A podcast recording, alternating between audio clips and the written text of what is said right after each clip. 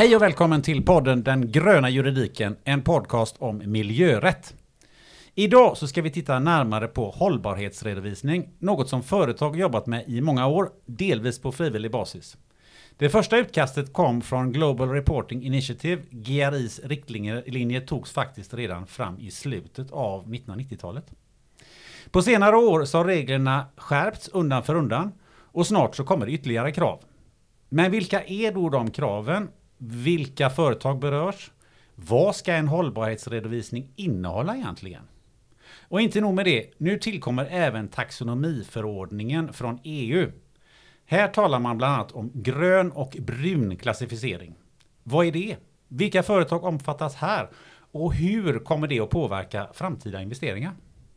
Det ska vi diskutera idag tillsammans med Anna Sundell, Head of Sustainability and Communications på Stena Metall Group. Välkommen! Tack! Och naturligtvis Aron Koster, jurist på Wistrand advokatbyrå. Välkommen till dig också. Tack Gunnar. Ehm, jag som ska moderera det här samtalet heter Gunnar Österreich. Eh, hörru du Aron, nu är vi här igen. Ja. Hur känns det? Superkul, precis som förra gången. Ja det gör det va? Och för förra gången. Och för förra gången. Och det är alltid. rutin nu. Ja, ja, ja, ja, precis. Ja, du, för du, alltid. Du brinner för podd. Oh ja. Ja, härligt. Mm. Eh, hållbarhetsredovisning, eh, varför är det ett viktigt ämne? Nej, men hållbarhetsredovisning är ju så otroligt viktigt för att det handlar om att förstå eh, vad eh, företag har för påverkan på eh, vår miljö men också på andra aspekter såsom personalrelaterade frågor, respekt för mänskliga rättigheter, korruption, mutor med mera. Vi hörde ju i din inledning att sedan 90-talet har det ju funnits ett, ett liksom det här GRI då men eh, vi har ju inte haft en liksom redovisning på det sättet som en finansiell redovisning vilket går ganska långt tillbaka och som det finns otroligt mycket eh, regelverk, praxis, standarder omkring. Och sedan några år tillbaka, vilket är det vi kommer liksom prata om här idag då, så finns det delvis regelverk, det finns standarder och det kommer komma fler. Det kommer komma fler regelverk och det kommer komma fler standarder som hjälper oss att förstå vad har företag för påverkan? Och det är ju självklart så att företag är kanske något som påverkar miljön allra mest. Mm, av precis alla aktörer.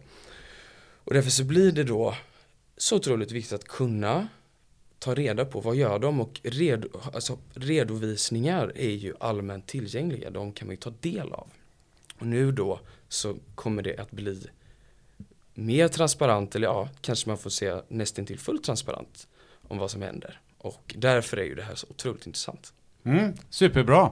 Eh, nu Anna Sundell, jag, jag riktar mig till dig. Men jag måste faktiskt börja med att fråga dig om din LinkedIn-profil. Spader, vad betyder det för dig? Ja, precis. Eh, det är som en liten hemlig symbol nästan. Ja, eh, Rutor kan man se ibland också. Man kan tänka sig liksom att du är professionell kortspelare eller? Ja, precis, precis. Jag knäcker lite. Nej, eh, det är ett nätverk som heter Spader S som jag har fått förmånen att gå igenom jobbet och eh, som samlar kvinnor i karriären och eh, erbjuder ett nätverk, erbjuder ledarskapsträning och ger oss en plattform att bygga vidare vår karriär på. Så finns det även ett som heter Ruter Dam eh, som är ursprungsnätverket då, eh, som är för lite mer seniora kvinnor i, i ledande positioner. Så eh, det är ett jätte, jättespännande tillfälle att få träffa andra personer, lära sig mer om andra bolag, eh, utvecklas i, i sin karriär och i sin ledarskapsroll. Så att, eh, det är vad det hemliga lilla spadret betyder där. Grymt, för det har jag funderat på. Jag tror jag har sett det på några andra namn. undrar man, varför, har, varför har de det där? Bra! Ja, precis. Ja, det... Underbart, då fick vi den förklaringen, eh, både jag och, och eh, alla andra här. Eh, men om man är Head of Sustainability and Communications på Stena Metall Group, vad gör man då? Man gör ganska mycket olika saker, skulle jag väl vilja säga. Um, nu är det här, Head of Sustainability and Communications är en ganska ny roll för mig som jag har tillträtt precis här i, i början på februari. Jag har varit hållbarhetschef lite längre, sedan eh, lite drygt tre år tillbaka och bara det är ju en bred roll i sig. För lite som du var inne på där Aron, hållbarhet är ett otroligt brett område så det täcker in frågor både inom miljö, inom sociala frågor och även inom styrning då, typ mänskliga rättigheter, antikorruption och affärsetik. Så att dels är det ett väldigt brett spann av olika frågor som man jobbar med och sen jobbar man också på många olika sätt med de här frågorna. Så det är strategi, det är planering, det är projektledning, change management, mycket kommunikation också såklart, hur man kommunicerar vad man gör både internt och externt. Och sen förstås då det som vi ska prata om idag med hållbarhetsrapportering som tar upp väldigt mycket av tiden när man jobbar med hållbarhet. Då, och då är vi sugna på att höra kortversionen. Hur hamnade du här? Ja, men precis. Eh, jag har jobbat på Stena i faktiskt över tio år nu. Det känns lite roligt att kunna möta sin arbetstid i decennium till och med. Eh, så att jag har haft ganska många olika roller. Jag tror jag är inne på min sjätte eller sjunde roll vid det här laget.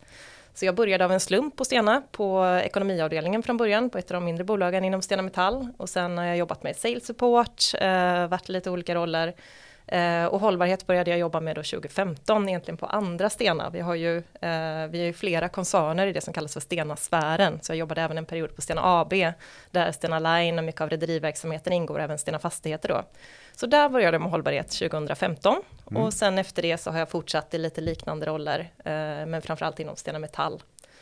Så på den vägen är det. Stena Metall Group, alltså det behövs rätt mycket hållbarhet där. Det är inte det de vanliga, vad man kallar för skrothandlare? Ja, jo, precis. Kanske inte lika mycket längre. Vi, eh, vi har ju vuxit eh, från att vara en skrothandlare till att bli en industriell återvinnare och till att nu även bli en cirkulär partner.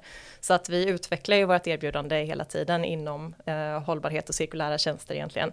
Så att vi håller även på och, och jobbar med att utveckla reuse-tjänster med olika typer av återbruk, inte minst inom elektronik. Eh, vi jobbar även med eh, konsulttjänster inom cirkularitet för att hjälpa våra kunder att hitta nya mer cirkulära affärsmodeller. Vi har en gren som heter Stena Circular Consulting som är experter på det. Så att eh, vi har, vi har vuxit lite från den här skrothandlarrollen till att bli en mer holistisk cirkulär partner. Det var ju faktiskt så den här koncernen började. Det är helt sant. Ja. Det är inte alla som vet det. Nej, alla började med skrothandel. Alla trodde att det var färgerna, men det var det faktiskt inte. Nej, det var det inte. Nej. Nej. Ja, det ser man. Ja, så ja. Eh, nu ska vi kasta oss in i hållbarhetsredovisning till att börja med. NFRD och årsredovisningslagen. Eh, Aron, eh, lite översiktligt eh, guida oss. Vad finns det för krav när det gäller hållbarhetsrapportering idag? Ja, NFRD är ju det nuvarande gällande direktivet eh, som reglerar just hållbarhetsredovisning. I alla fall det som är, som är mest relevant att ta upp här idag. Och NFRD står för Non-Financial Reporting Directive. Alltså direktivet om icke-finansiell rapportering.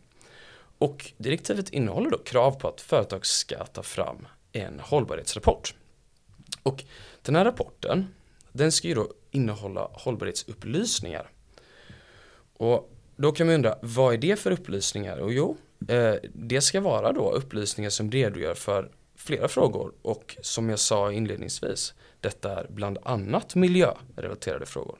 Men det är också sociala, personalrelaterade frågor, mänskliga rättigheter och korruption. Och det som man då ska förklara utifrån liksom de här perspektiven är ju då vad, ja, man ska förklara det som man behöver förklara för att någon ska kunna förstå liksom företagets ställning och resultat eh, på, inom de här frågorna då och också liksom deras utveckling och därtill liksom konsekvenserna då av företagets verksamhet på de här områdena.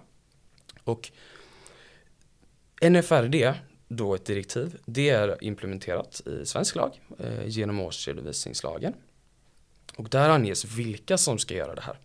Och Sverige valde att ta lite skarpare linje än direktivet. Eh, vi valde alltså att omfatta fler företag.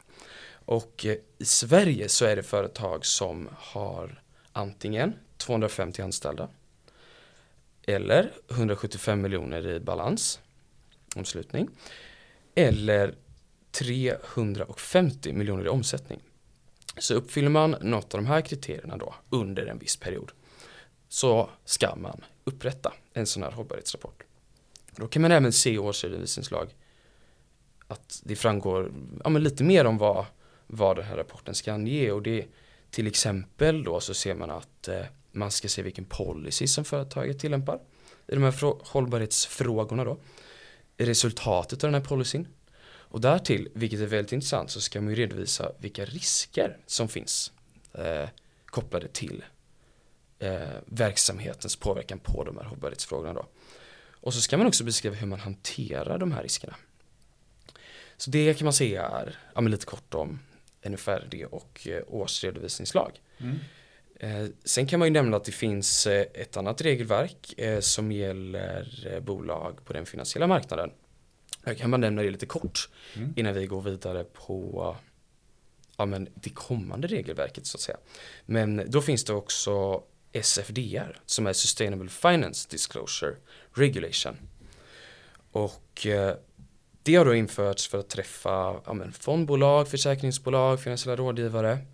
Och det handlar om att eller handlar om hur de ska informera sina investerare och även oss kunder då eh, om just hållbarhetsfaktorer. Och eh, ja, målet med SFDR är ju att eh, så att säga försöka omdirigera kapitalflödet mot mer hållbar finansiering. Men också för att man just ska få transparens. Och transparens är ju väldigt mycket av det vi kommer prata om här idag. Ehm, så det är då SFDR och nu har man på EU-plan antagit ett nytt direktiv. Och det kommer att träffa många fler företag inom Europa. Eh, det kommer att ställa högre krav eh, och det kommer att liksom fastställas fler standarder för hur eh, man ska hållbarhetsrapportera. Och det kallas då CSRD, Corporate Sustainability Reporting Directive. Och eh, det är ju någonting som man har kunnat se rätt mycket om senaste tiden, det skrivs mycket om det här och så. Men en skillnad från NFRD, det jag nämnde tidigare då, det, nu, det nuvarande regelverket, det är att det sätts en standard eh, som heter Euro- European Sustainability Reporting Standards. Eh, de ska, det är ett visst organ då som ska sätta de här standarderna. Det är ju då alltså en skillnad och det kommer vara mer omfattande upplysningar än tidigare som ska lämnas. Och kanske också av rätt stort intresse, det ska också ske en extern granskning av eh, den här redovisningen. Mm. Vilket inte är fallet idag.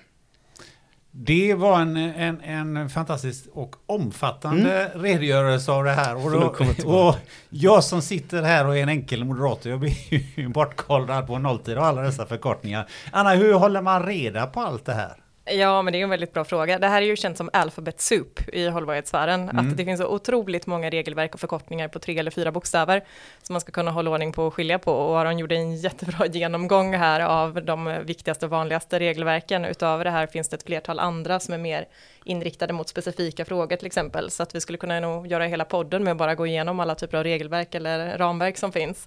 Eh, men det hade blivit en väldigt tråkig podd så det tänker jag att vi inte ska göra. Men eh, nej, det är ju mycket, eh, mycket att sätta sig in i. Det är ett ganska informationstungt område, inte minst nu när det kommer så mycket ny lagstiftning och nya regelverk kring det här. Så att det är verkligen ett rörligt mål. Vi var inne på lite det här med finansiell rapportering i början, som ju är mycket mera moget, utvecklat, standardiserat, blir lite samma samma från år till år. Med hållbarhetsrapportering, sen jag har jobbat med det, det har aldrig varit samma samma från år till år, utan det kommer alltid någonting nytt som man ska förhålla sig till. Så det gör ju också att det är väldigt spännande och det är väldigt positivt att man driver på den här transparensen hos bolagen också. Så att eh, det har ju en väldigt positiv effekt eh, på att de här frågorna ges lite större tyngd. Men eh, det, är, det är informationstungt, det får man säga att det är. Men hur styrd är, är du när, när ni ska göra de här rapporterna? Är det, är det ändå ganska fritt på hur, hur ni kan göra? Eller är det väldigt så inramat? Eller hur funkar det? Nej men det blir mer och mer inramat faktiskt. Eh, hållbarhetskommunikation för ett antal år sedan, säg kanske men bortåt en 5-10 år sedan, eh, närmare 10 kanske, då handlade det lite mer om vad man ville lyfta fram, man kanske lyfte fram några positiva exempel eller case, behöver inte skriva så mycket om det som är jobbigt eller det som man inte kanske vill lyfta fram lika mycket. Eh, Medan hållbarhetsrapportering idag är väldigt styrd även utanför lagstiftningen. Många använder ju det här ramverket som kallas för GRI, Global Reporting Initiative, som är ett frivilligt ramverk men som strukturerar upp hur man rapporterar kring olika hållbarhetsfrågor. Och väljer man att använda sig det, av det ramverket, vilket väldigt många gör, ja men då finns det mycket att förhålla sig till där också. Då ska det presenteras på ett visst sätt. Så att det blir mindre och mindre frihet i hur man kommunicerar hållbarhet. Och detta är också för att, just för att undvika det som kallas för greenwashing till exempel, att det ska bli mera jämförbart, att man ska visa både på att nej men, vi har en positiv påverkan, men också att här har vi utmaningar och visa det på ett transparent sätt och bygga ett förtroende mot olika typer av stakeholders, inte minst investerare. Jag som är så, eh, så gammal så att jag eh, var med i början på 90-talet och då, då var det liksom en, en hållbarhetsrapport. Det var liksom så här att ja, men vi sopsorterar på kontoret och, och vi, vi trycker våra visitkort på obestruket papper och det var lite den nivån på det. Så det har onekligen skett en utveckling. Ja, ja, det kan man verkligen säga att det har gjort. Det har gått ganska fort också. Hur gör ni på, eh, på Stena? Vilka standarder använder ni och hur jobbar ni? Eh, vi följer årsredovisningslagen såklart, eh, eftersom vi träffas av den. Och eh, vi följer också GRI-standarden. Det har vi gjort sedan vi började hållbarhetsredovisa 2016. Eh, vi har också valt att granska rapporten externt, eh, vilket ju inte är krav än, men som kommer som ett krav i med det här nya CSRD. Vilket jag tycker är väldigt bra. Det gör också en, en trygghet och en, en tyngd och trovärdighet åt det vi rapporterar. Plus att man som hållbarhetschef då får väldigt mycket bra feedback under processens gång. Så det är positivt av den anledningen också. Um, så att ja, nej, men det är väl i stora drag hur vi har närmat oss hållbarhetsrapporteringen. Mm. Hur tycker du det låter Aron? Jag undrar um, liksom hur hos er då, uh, liksom vilka, vilka behöver man i, i ett team och, och liksom vilken kompetens behöver man för att kunna göra en sån här hållbarhetsredovisning? Uh, är ni, är ni liksom, måste man vara många tekniker? Är det väldigt komplext på det sättet så att säga? Nej, men det skulle jag inte säga. Eh, jag menar, jag kommer själv från, från en ekonombakgrund mm. och gör ganska mycket av hållbarhetsredovisningen själv, eller har gjort under en tid. Nu har jag även tagit in en sustainability controller, eh, vilket är väldigt hjälpsamt.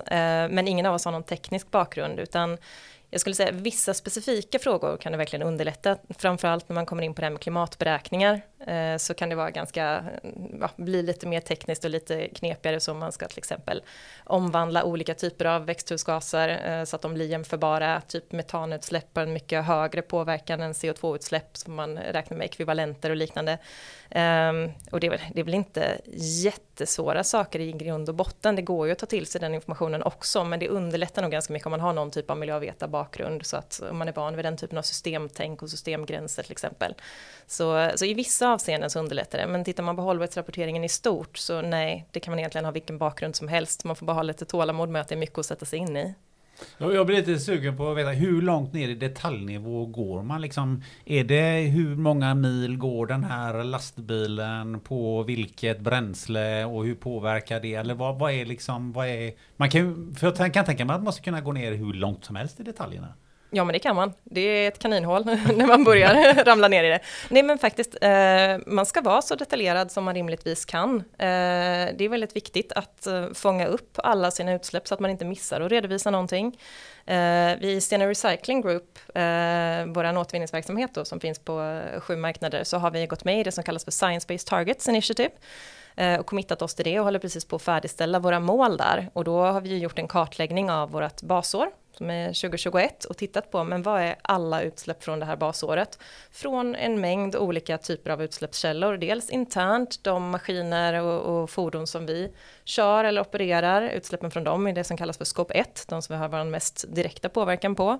Eh, från el och fjärrvärme, det som kallas för skop 2. Och sen också det som kallas för skop 3, vilket är i stort sett allting annat i hela värdekedjan, både uppströms och nedströms. Så alla inköpta transporter, utsläpp från tillverkning av olika material eller produkter som vi behöver i vår verksamhet.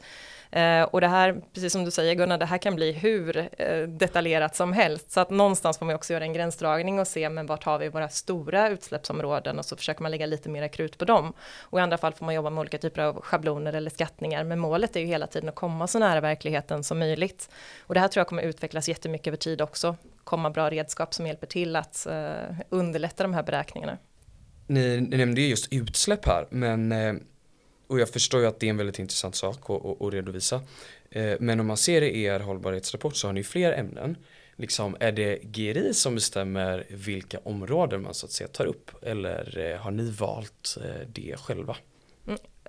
Ja, på båda egentligen, eller på att mm. säga. I GRI så, så förekommer det här begreppet som heter väsentlighetsanalys som man stöter på ganska tidigt om man börjar sätta sig in i det här med hållbarhetsredovisning. Och det GRI-ramverket säger då det är att man ska utvärdera sin verksamhet, titta på vilken typ av kontext befinner vi oss i, vilken typ av bolag är vi och utifrån det då se men vart har vi vår stora påverkan? Och det kan ju se ganska olika ut beroende på vilken typ av verksamhet man är. Så om man tar till exempel Systembolaget så är ju ansvarsfullt drickande är ju en väldigt viktig fråga för dem. Hur jobbar de med det som hållbarhetsfråga för att inte uppmuntra onödig alkoholkonsumtion till exempel? Eh, tittar man på en mataffär så kan ju matsvinn vara en av de viktigaste frågorna. Eh, för oss som traditionellt industribolag så handlar det mycket om just utsläpp, säkerhet, eh, traditionella hållbarhetsfrågorna. Eh, så att, och GRI säger ju att man måste göra den här utvärderingen på ett så systematiskt sätt som möjligt egentligen så att man inte missar någon viktig hållbarhetsfråga eller bortser från någon fråga för att den kanske är svår att, jobba med eller man har inte gjort det så mycket tidigare. Utan man måste göra en ordentlig genomlysning av hela sin organisation och titta också på värdekedja, titta på intressenter, vilka påverkas av det vi gör eh, och basera sin hållbarhetsrapport på det då. Så att eh, det är inte fritt fram att välja själv men däremot så kan det se lite olika ut från bolag till bolag baserat på den här väsentlighetsanalysen. Du nämnde ju science-based eh, targets också. Att eh, ni eh, kanske är på väg att ansluta till det. Vad, vad, vad innebär det? Liksom, bestämmer man ett mål som man måste hålla? Är det det som är the target? Eller? Mm, jo men precis, så science-based targets det skiljer sig lite från hållbarhetsrapportering. Hållbarhetsrapportering handlar ju egentligen bara om att man ska visa hur det ser ut eh, över tid då. Medan science-based targets är ett initiativ för att faktiskt sätta klimatmål. Man, eh, man gör en, en, ett commitment eh, till då att eh, sätta mål som är i linje med Parisavtalet. Det vill säga att man tittar på sin egen utsläppskurva och så ska den följa samma utsläppsminskningstakt eh, som skulle behövas för att nå Parisavtalet. Och det här är helt frivilligt men det är någonting som väldigt många bolag gör eh, och som antagligen kommer komma en väldigt mycket större förväntansbild på framåt också att man har någon typ av vetenskapligt baserade mål. Eh, så att, eh, och det här ser vi är jätteviktigt för oss också. Vi jobbar ju mycket med hållbarhet i vår eh, i våran verksamhet. Vi jobbar med cirkulära lösningar, men för att verkligen bli cirkulära, ja men då måste vi också minska vår egen klimatpåverkan och ta ett ansvar för det. Så därför ser vi att det är jätteviktigt att vi också jobbar med den påverkan. Med detta sagt då så, eh, vad skulle du säga är mest utmanande för att upprätta en sån här hållbarhetsrapportering idag? Det är ju att det är så otroligt omfattande. Eh, det är ju väldigt mycket eh, information som ska in. Och som sagt så ändras det mycket från år till år. Det tillkommer nya grejer, så det är aldrig riktigt business as usual, vilket såklart gör det lite spännande också. Ehm, och sen, eh, sen är det också lite grann det här att tittar man på finansiell rapportering, ja men då kan man ju i slutändan alltid konsolidera allting till kronor och ören. När man jobbar med hållbarhetsrapportering så är det så många olika typer av data som ska samlas in. Till exempel utsläpp, energiförbrukning. Det kan också handla om HR-data, att man ska titta på personalstyrkan utifrån olika skärningspunkter, se fördelning kvinnor, män, ålder och så liknande. Eh, så att det är så många, många fler olika datakällor eh, som man får på något sätt försöka hitta information till då inne i bolaget. Och det är inte alltid det finns system eller processer på plats som tillhandahåller den informationen man behöver på just det sätt man behöver den. Så att det är ju lite, lite bredare på det sättet än eh, finansiell rapportering och kan vara lite mer utmanande av den anledningen också. Men hur mycket får du jaga människor internt? Eh, det händer. Men eh, vi har också vi har ett system för hållbarhetsrapportering så att vi, har, vi kan ändå samla allting internt där flera personer från olika typer av roller eller olika avdelningar i bolaget rapporterar in både klimatdata, HR-data, all annan typ av, av hållbarhetsdata som vi samlar in. Så det underlättar mitt liv väldigt mycket. Vi var inne på det kommande regelverket som kommer komma från CSRD. Uh, eh, ni som liksom är varma i kläderna med att hållbarhetsrapportera, har, har, du när du liksom har läst om CSRD uh, eh, uppfattat det som att det kommer bli mycket svårare för er som redan är igång eller har ni liksom väldigt mycket att bygga på er organisation liksom för att uh, implementera det? Mm, nej men för CSRD så känns det ändå som att vi har väldigt mycket på plats redan. GRI, eh, Global Reporting Initiative då, som vi rapporterar enligt, de har ju varit involverade i processen med att ta fram det här ESRS som du nämnde, som är själva ramverket för rapportering inom CSRD. Eh, så att man har ju byggt det på ett sätt att de ändå ska ha en viss överlappning. Sen är de inte helt identiska så det kommer ändå tillkomma lite nya grejer som vi behöver ta fram och redovisa. Eh, men, eh, men har man rapporterat enligt GRI tidigare så är man ändå hyfsat väl positionerad för att ta sig an CSRD och ESRS också. För våra lyssnare då som inte har hållbarhetsrapporterat eh, tidigare för dem blir det ju förstås en, en, en ny utmaning och har, liksom, har du bara några, har du några tips till dem liksom? Vad, vad borde de ja, tänka på nu?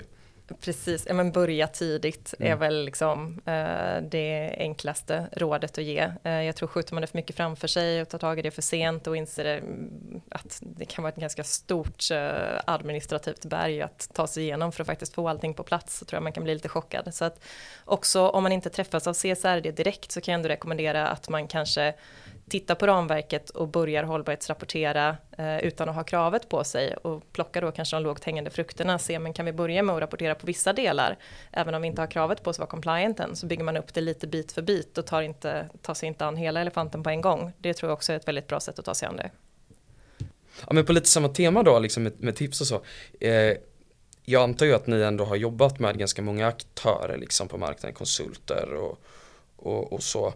Um, om man ser liksom från ditt perspektiv på det här området, är det någonting som du liksom vill skicka med till oss konsulter så att säga? Att eh, ta med sig det här liksom kan göra liksom ditt arbete lättare eller vår rådgivning bättre liksom? Mm.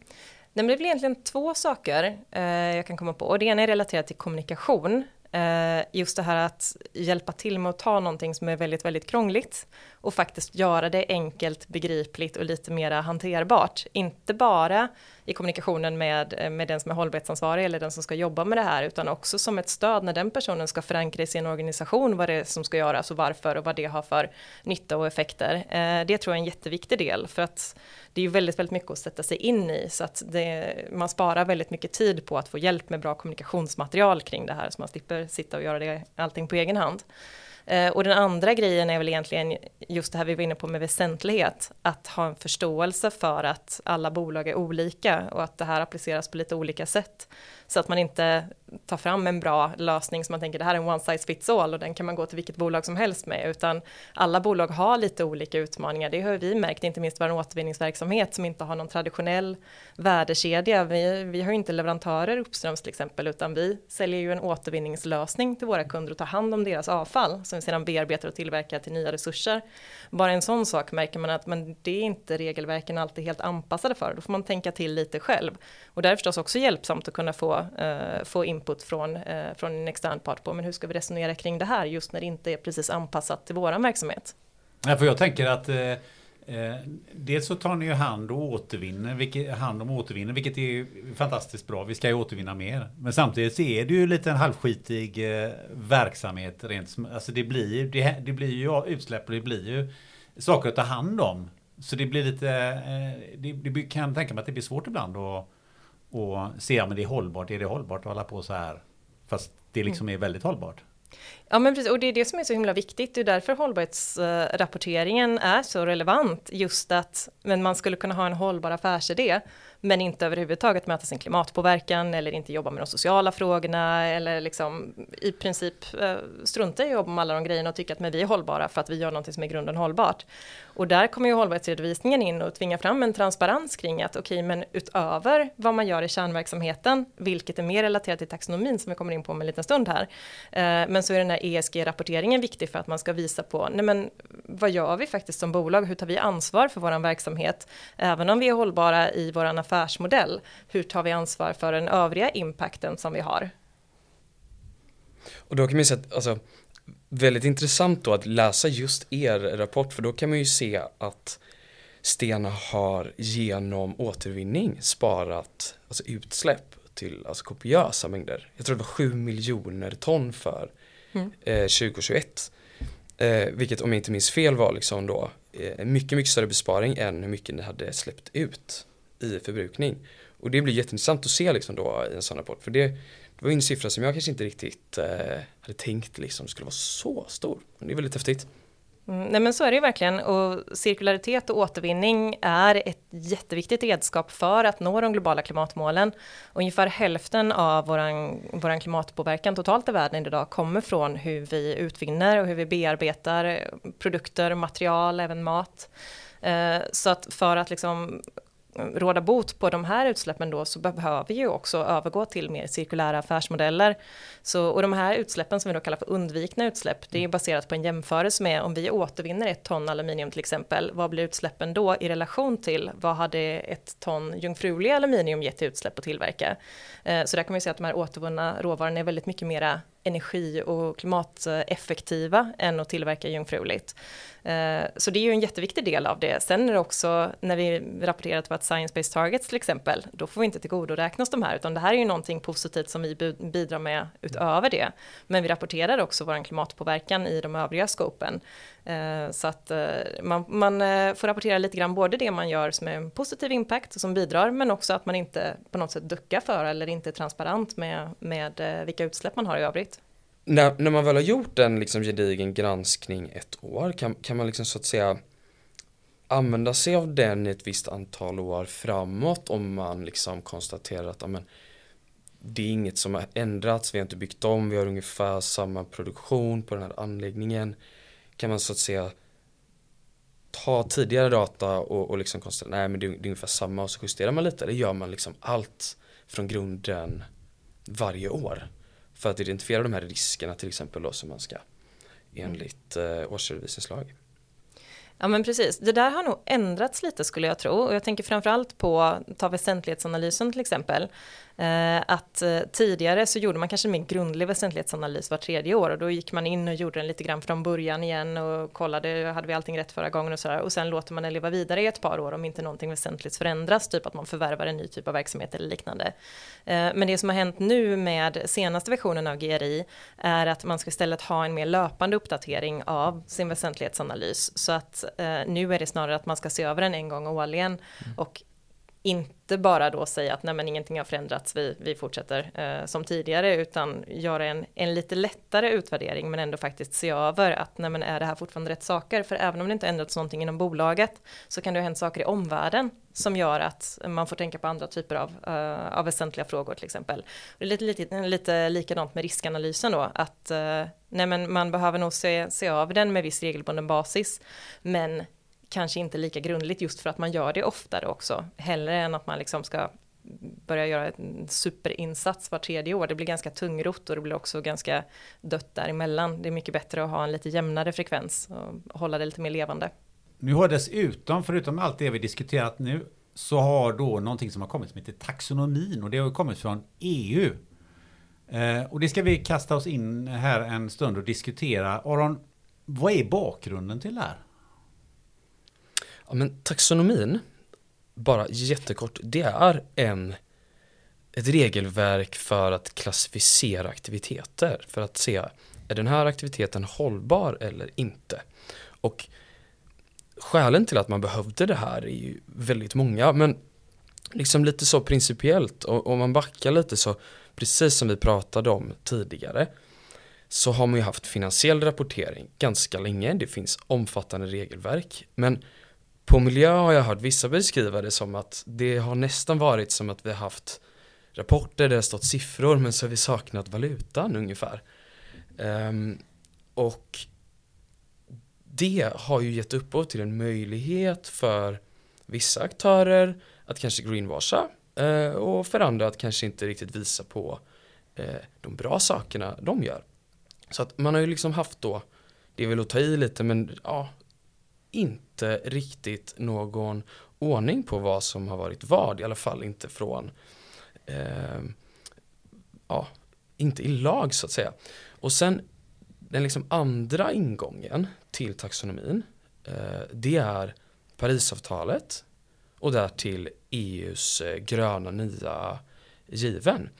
Och eh, Parisavtalet som alla vet sätter ett mål för eh, hela ja, den globala utvecklingen. Men hur ska man nå detta då?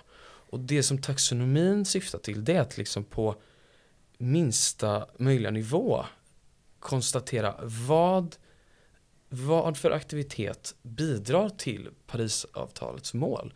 Liksom så här då, med en bil. Vilken typ av bil bidrar faktiskt till målen i Parisavtalet eller inte? Och det är det som då man har försökt fastställa i taxonomin. Och det som är då taxonomin det är ett, eh, ett EU-regelverk. Eh, det har ganska nyligen trätt i kraft eh, men det finns mycket kvar eh, från EUs sida att eh, bestämma sig för eh, på området. Men återigen då, det är ett, det är ett transparensregelverk. Det, ska, det sätts ut i taxonomin vilka aktiviteter är hållbara. Och däremot så sätter taxonomin inte ut vad som inte är hållbart. Eller så här, de aktiviteter som saknas i taxonomin, de är inte nödvändigtvis så att säga icke hållbara. Men de är inte med. Av olika skäl. Och när man liksom börjar jobba med taxonomin så, så liksom finns det två, två liksom så viktiga steg så att säga. Och det är ju först att man kollar på är en viss aktivitet med i taxonomin? Det som man brukar kalla eligible. Och sen så brukar man titta på då eh, är en aktivitet alltså i linje med taxonomin aligned. Och för att man ska vara då aligned så behöver man eh, eh, bidra eller ver alltså verka för nej, så här, till och med bidra väsentligt till ett av målen som är i taxonomin. Sen måste man uppfylla vissa minimikrav. Och sen så får man inte heller orsaka skada Eh, för liksom uppfyllandet av något av de andra målen. Och det som företag kommer behöva göra nu då framöver det är att faktiskt gå igenom sin verksamhet och titta vad i första hand vad finns med i taxonomin, vad omfattas, vad är eligible och sen senare så kommer man behöva se på vad som är aligned. Och detta ska då vara föremål för den, liksom, den rapportering och hållbarhetsrapportering som ska göras. Mm. Hur mycket har du tittat på det här Anna? Jo, men lite grann ändå får jag säga, men inte superingående. Eh, Stena Metall träffas inte direkt av taxonomiförordningen Eh, eftersom vi inte är noterade på någon EU-marknad. Däremot så blir taxonomin obligatorisk för oss i samband med att CSRD träder i kraft, så vi kommer förstås också taxonomirapportera. Eh, och jag har börjat kika igenom de regelverken som finns nu. Sen är taxonomin lite grann ett rörligt mål. Eh, av de här sex miljömålen som du nämnde Aron så är det fortfarande bara två stycken som faktiskt är färdiga och publicerade. De andra fyra har det publicerats draft för.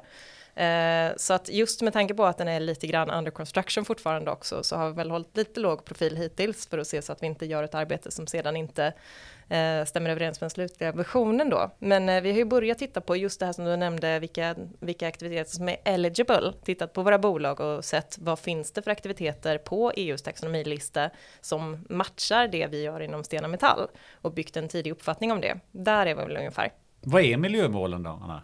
Eh, jo, men det är egentligen det är två mål som är relaterade till klimat. Dels eh, begränsning av klimatförändringar, men sen också anpassning till klimatförändringar. Eh, sen är det relaterat till vatten, hållbar användning och skydd, skydd av vatten. Eh, övergång till en cirkulär ekonomi, vilket förstås är ett miljömål som vi är väldigt intresserade av. Eh, och sen förebyggande och kontroll av föroreningar samt skydd och återställande av eh, biologisk mångfald och ekosystem. Mm. Där har vi dem. Eh men vad, vad är det för implikationer på, eh, på marknaden och på företagen eh, när den här taxonomin kommer? Vad, är, vad, är, vad kommer hända på, på Stena Metall Group? Eh, nej men implikationerna för bolag, det blir ju att det blir en ny typ av transparens, att man behöver redovisa hur mycket man då är i linje med taxonomin. Och det här blir ett ganska skarpt mått på vad som anses vara grönt eller inte. Eh, och så småningom, som vi var inne på, så är ju syftet att man ska styra om eh, finansiellt kapital mot det som anses vara grönt. Så att på sikt så kan det ha påverkan på vilken typ av tillgång man har till finansiering eller vilka villkor man får för sin eh, finansiering. Um, på gott och ont och taxonomin är ju väldigt svart eller vit. Antingen är man på listan eller så är man inte på listan och det finns ju eh, lite eh, aspekter som man behöver tänka till kring där också. Men så att i ett tidigt skede så tror jag inte att det kommer ha så det jättestor inverkan mer än att det blir en väldigt stor administrativ apparat för bolagen att gå igenom alla sina Eh, sina flöden då, sin omsättning, capex och opex, eh, som man ska rapportera eh, hur mycket som uppfyller taxonomin och lite grann se, men hur, hur säkerställer vi att vi efterlever den här lagstiftningen och att vi rapporterar på det sätt som man ska göra. Eh, på sikt så, så tror jag att det blir mer eh, större implikationer när taxonomin också har blivit lite mognare och kommit lite längre i implementeringen. Ja, alltså det man kommer kunna se, du sa ju det att det, det blir mer transparent, man får verkligen se vilken aktivitet, eh, liksom, eller vilka hållbara aktiviteter som ett företag gör, men man kommer ju också kunna jämföra olika företag då inom samma bransch. Som man tänker som produkt så kanske man kommer se att de får vissa olika eh, liksom nyckeltal här då eller kanske det, det kommer vara mycket färger här också. Olika färger så att säga. Så det kommer vara väldigt intressant då att kunna titta på ett företag, ja men vilken är faktiskt bäst ur taxonomiperspektivet. Sen, jag sa kanske inte det så noga men taxonomin bestämmer ju aldrig hur en verksamhet ska vara. Utan den berättar bara, gör man det här och det här och det här, då klassas det så här. Men den, den säger aldrig, nu ska alla pengar gå, eller nu ska en verksamhet utföras så här. Det framgår inte av taxonomin. Däremot så har ju EU ett väldigt omfattande finansieringspaket eh, på plats. Eh, Likaså eh, så kommer medlemsstaters eh, fonder eh, och liknande investera i sådant som är grönt enligt taxonomin. Så för att få liksom, dessa EU-pengar så att säga så kommer man ju vilja styra sig mot eh, att vara Eh, så att säga ja, hållbara inline då enligt med taxonomin. Mm, precis, för eh, vad jag har läst mig till så är det ju hisnande pengar eh, från er. Jag tror att det är två, runt 2500 miljarder kronor att, att ösa ur det här, den här gröna given och de här pengarna som, som finns. Så det måste ju vara eh, det är ju en ganska häftig påtryckning kan man ju säga. Ja men verkligen, det är det ju. Och det här är ju inte bara, eh, det här är ju inte bara EU-pengar, utan det handlar ju även om att styra om eh, och uppmuntra privata investerare och kapitalförvaltare att eh, rikta sig in mer mot, mot hållbar finansiering då. Eh, och det som är bra med taxonomin det är ju lite grann att den tillför ett nytt perspektiv på hur man värderar ett bolag utifrån eh, ett hållbarhetsperspektiv. Eh, om man tittar bara på ESG-faktorerna till exempel, typ hur presterar vi inom miljöpåverkan och sociala frågor och governance, då, det säger ju en del om bolaget, absolut, men det säger ingenting om kärnverksamheten. det blev ju lite, lite rubriker för ett tag sedan här när Exxon fick en bättre hållbarhetsvärdering än Tesla till exempel eh, enligt ESG då. Och det är ett sånt typexempel på att ja, men man kan vara väldigt duktig på sin ESG-rapportering och sätta upp en, en eh, jättebra struktur kring det och vara transparent och tydlig och sätta upp bra mål och så. Men om man tittar på själva kärnverksamheten så skulle kanske de flesta säga att Tesla har en, eh, en affärsidé som är mer hållbar i längden då än Exxon.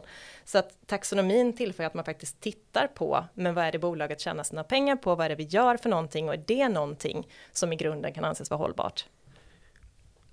Anna, då undrar vi lite hur eh, ligger det till för Stenas del just nu i arbetet med taxonomin?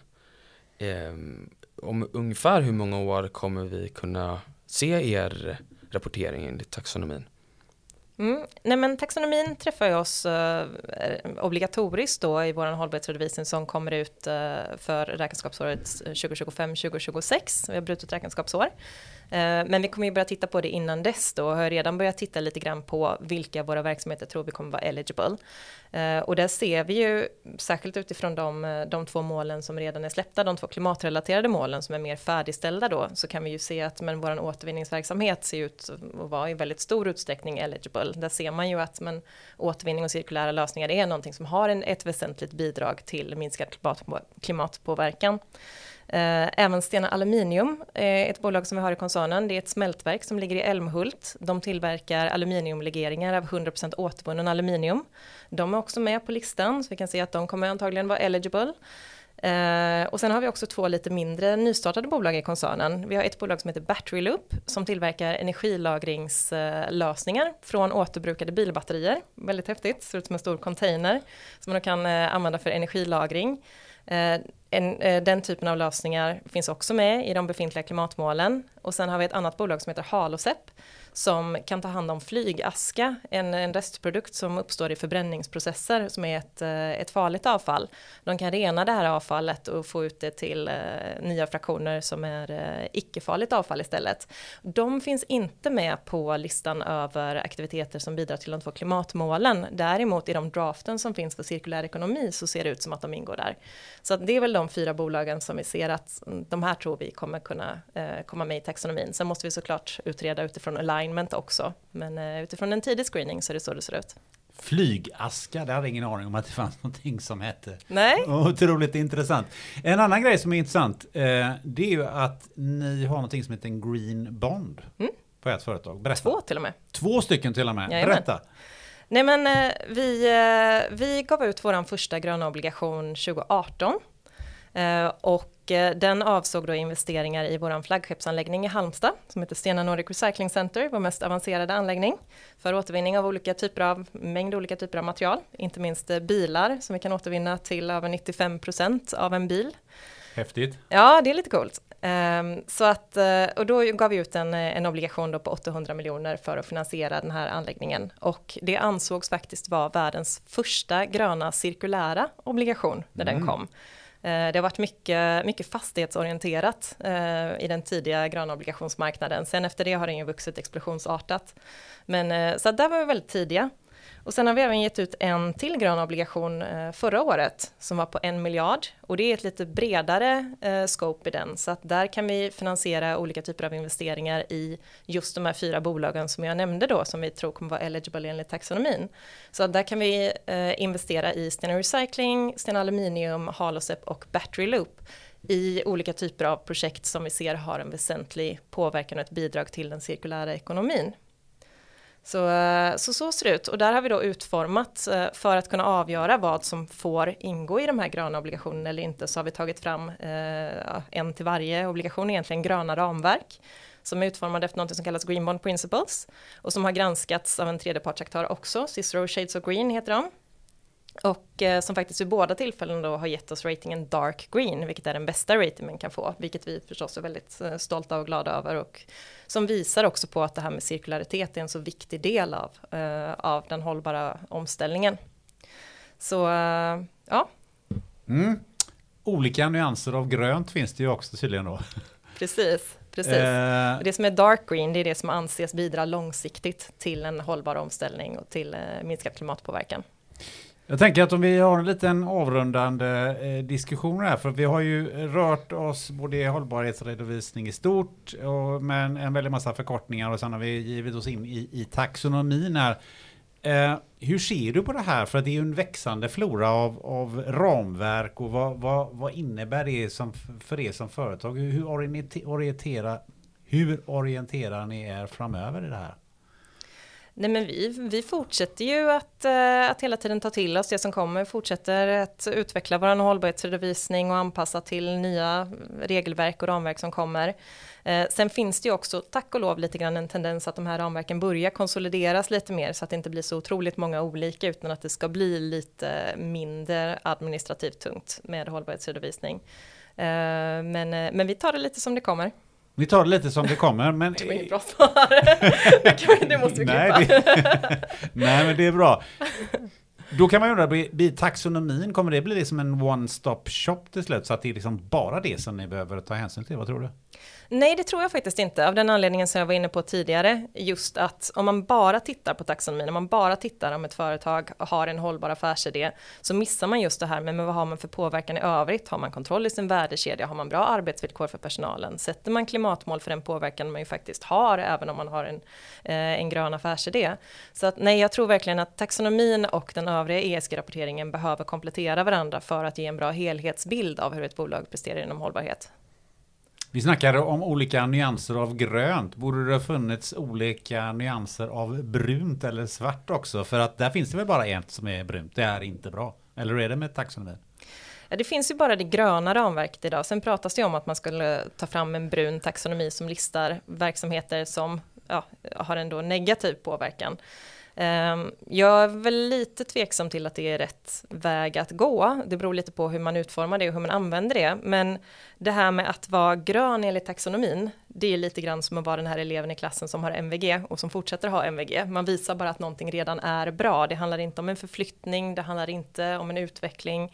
Eh, och om man istället tittar på den här eleven som kanske har G, som kämpar lite, men som lyfter sig till ett VG, då, då får man ju en faktiskt mer konkret påverkan. Då har det gjorts en förflyttning. Och det måste man ju på något sätt också premiera. Så det är det som är lite farligt med taxonomin, att den är så, eh, den gröna taxonomin, att den är så svart eller vit, ironiskt nog, fast den är en grön taxonomi då. Ehm, just för att den visar inte på det här, men det kan finnas bolag som inte anses hållbara från början, men som faktiskt rör sig i en positiv riktning. Hur fångar man upp dem?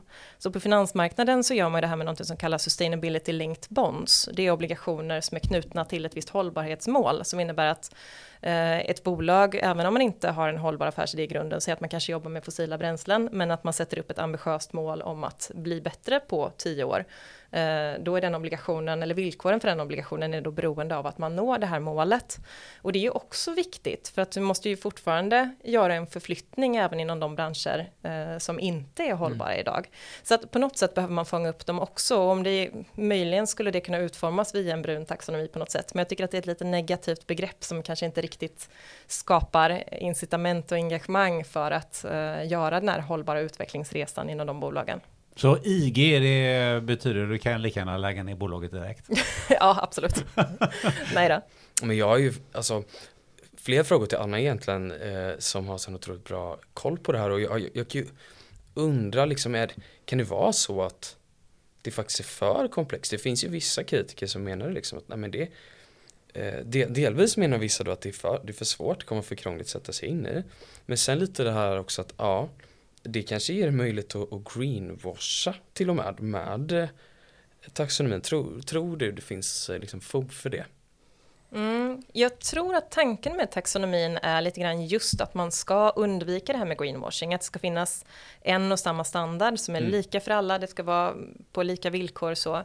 Eh, likadant det här med att det är komplicerat, absolut, det är väldigt komplicerat för de bolagen som behöver sätta sig in i regelverket och gå igenom alla sina, eh, sina verksamheter och sina eh, intäktsströmmar och se lite grann vad uppfyller kraven och vad är det inte.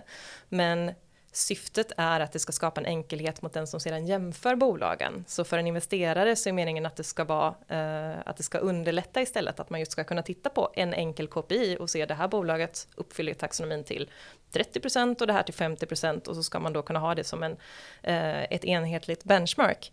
Så att eh, att det är krångligt, det är nog mer mot de som implementerar det inom bolagen. Men sen såklart, när någonting blir väldigt, väldigt enkelt så är det uppenbart att man ofta kanske missar nyanser på vägen också. Så det blir också lite, eh, lite farligt att man bara tittar på taxonomin. Som sagt så, så tycker jag att man behöver även överväga de här andra ESG-faktorerna om man ska kunna utvärdera ett bolag på ett fair sätt. Mm. Gunnar, du sa ju det, om man får IG då, då, då får man lägga ner. Men investerare är ju ute för att tjäna pengar och eh, Eh, det kan ju vara så att de som har IG eventuellt är lönsamma ett tag i alla fall. Sen så vet vi ju alla att, eh, att det kostar att inte vara hållbar, inte minst eh, så kostar det, finns det ju stora externaliteter eh, förenat med det. Men, men liksom kommer det driva någon till att vilja investera utöver just det här med att man kan få liksom de här statliga medlen tror du? Mm. Eh, nej men jag tror att när taxonomin har satt sig lite och fått en viss mognadsgrad så tror jag det kommer vara ett hjälpsamt verktyg för att se eh, just vart ska vi styra olika typer av investeringar, både privata investeringar och statliga investeringar. Men det kommer nog vara en liten övergångsperiod. Jag vet att en kritik som har varit mot taxonomin är just att den är så smal. Det är ganska många bolag som, som vi pratade om tidigare som inte överhuvudtaget hamnar på listan och det betyder inte nödvändigtvis att de är i grunden väldigt ohållbara utan det kan vara att de har en mer neutral verksamhet. Det är inte något som signifikant bidrar till klimatomställningen men det är inte nödvändigtvis heller någonting som är väldigt negativt. Eh, och de bolagen blir ju liksom lite grann osynliga i det här. Jag håller ju med för att till exempel så kan ju ett, eh, ett bolag som bygger fastigheter eh, beroende lite på hur den gör det och så, kanske inte hamnar jättebra till i taxonomin. Men det är ju självklart att i vissa, eh, eller kanske överallt, så behöver vi bostäder. Och ett samhälle där ingen bygger bostäder blir inte så bra. Eh, och det, det, kommer ju komma då den sociala taxonomin, det kommer vara en del. Och där kommer det finnas vissa, om man ska kalla det goda poäng, men poäng att samla för att göra alltså, social housing och lite så, men inte för så att säga vanliga fastighetsbolag. Men Eh, det är ju inte, det är inte liksom dåligt för miljön att eh, någon bygger, eller jo, utsläppsmässigt kanske det är det, men det behövs fortfarande bostäder. Och det, ja, det, det, det blir ju något udda då när man alltid hamnar utanför där, eh, så att säga. Det som är lite intressant, vi har ju Karlatornet här i Göteborg som håller på att färdigställas. Och jag har faktiskt pratat med, med stadsarkitekten här i, i, i Göteborg och sa liksom, kommer vi bygga fler sådana här hus i Göteborg? Han sa så att nej, det, det här är ju någonting som har planerats för 20 år sedan. Men nu, med, nu ur hållbarhetssynpunkt så ska man inte bygga den typen av betonghus på 245 meter upp. Utan man kanske börjar bygga trähus som man planerar för nu. Så att det är ju det är ganska långa cykler så att säga eh, i, den, i det här sammanhanget. Så att det vi ser idag är ingenting som vi kanske ser om 20 år. Det, det tycker jag också är ganska intressant och, och med tanke på det vi säger om taxonomin. Ja men verkligen. Eh, och tittar vi så långt framåt i tiden så tror jag att det kommer vara ett mycket mer viktigt verktyg för alla typer av olika aktörer som berörs av taxonomin. Både företag som planerar sin verksamhet för hur ska vi bli mer hållbara och hur ska vi kunna finansiera det framåt. För investerare, eh, för statliga myndigheter som ska dela ut bidrag till verksamheter som har en, en signifikant eh, positiv inverkan då på på de olika klimatmålen. Så att när det väl har satt sig så tror jag att det kan vara ett, ett väldigt bra ramverk. Men som sagt så finns det en massa olika saker som man behöver ta hänsyn till på vägen. Till exempel då så att man inte eh, fullständigt tappar de som inte uppfyller taxonomin men som fortfarande har verksamheter som, som behöver bedrivas som är samhällsviktiga helt enkelt. Vad tror du själv, eh, Stena Metall Group, hur, hur, vad kommer att påverkas mest i eran verksamhet och, och och hur ser det ut om, om 5-10 år? Vad tror, ni, vad, vad tror du att eh, taxonomin har påverkat det mest? Men vi är ju redan i väldigt stor utsträckning en koncern som jobbar med olika typer av cirkulära verksamheter som har en ganska tydlig koppling då till de här olika miljömålen. Eh, och vi kommer ju fortsätta den resan såklart. Vi kommer fortsätta utveckla alla våra verksamheter i en riktning eh, som bidrar till en mer hållbar framtid. Sen om det är baserat på taxonomin eller inte, det, det är väl en annan fråga. Men däremot så hoppas vi att taxonomi, eh, vår taxonomi KPI då, om den funkar som den ska, att den faktiskt visar på den här hållbara utvecklingen över tid. Man kan ju tänka sig att taxonomin ändå kan driva vissa aktörer till att så att säga få en bra klassning så att det kan vara underleverantörer till andra, att det blir liksom ett sånt alltså competitive advantage liksom, att man ser till så att man är det. Vad, vad tror du om det? Kan det vara någonting? Mm. Jo men så kan det ju verkligen bli. Man tittar på särskilt större företag så ställer ju de ofta krav på sina underleverantörer att man ska svara på olika typer av eh, frågeformulär för hur man hanterar sitt hållbarhetsarbete och det är ju absolut inte omöjligt att dels att man förväntas redogöra för sin andel taxonomi-alignment framåt, eh, vilket innebär att även om man inte träffas av lagstiftningen som ett mindre bolag så kan det ju komma krav då från, eh, från ens kunder på att man ska kunna redogöra för det. Och sen kan det också bli då en konkurrensfördel om man har en bättre andel taxonomi-alignment än någon annan så att eh, absolut, det är ju en effekt som taxonomin skulle kunna ha. Det är intressant faktiskt. Eh, eh, man tänker på Göteborgs hamn. Mm. Så kommer de att införa då att man får betala om man åker dit ner med en, en dieselbil in i Göteborgs hamn, till exempel med en container. Medan man får en gräddfil och inte behöver betala om man kör in med en el eller bränslecellslastbil. Så att det är ju också ett sätt att tvinga sina underleverantörer åt rätt håll.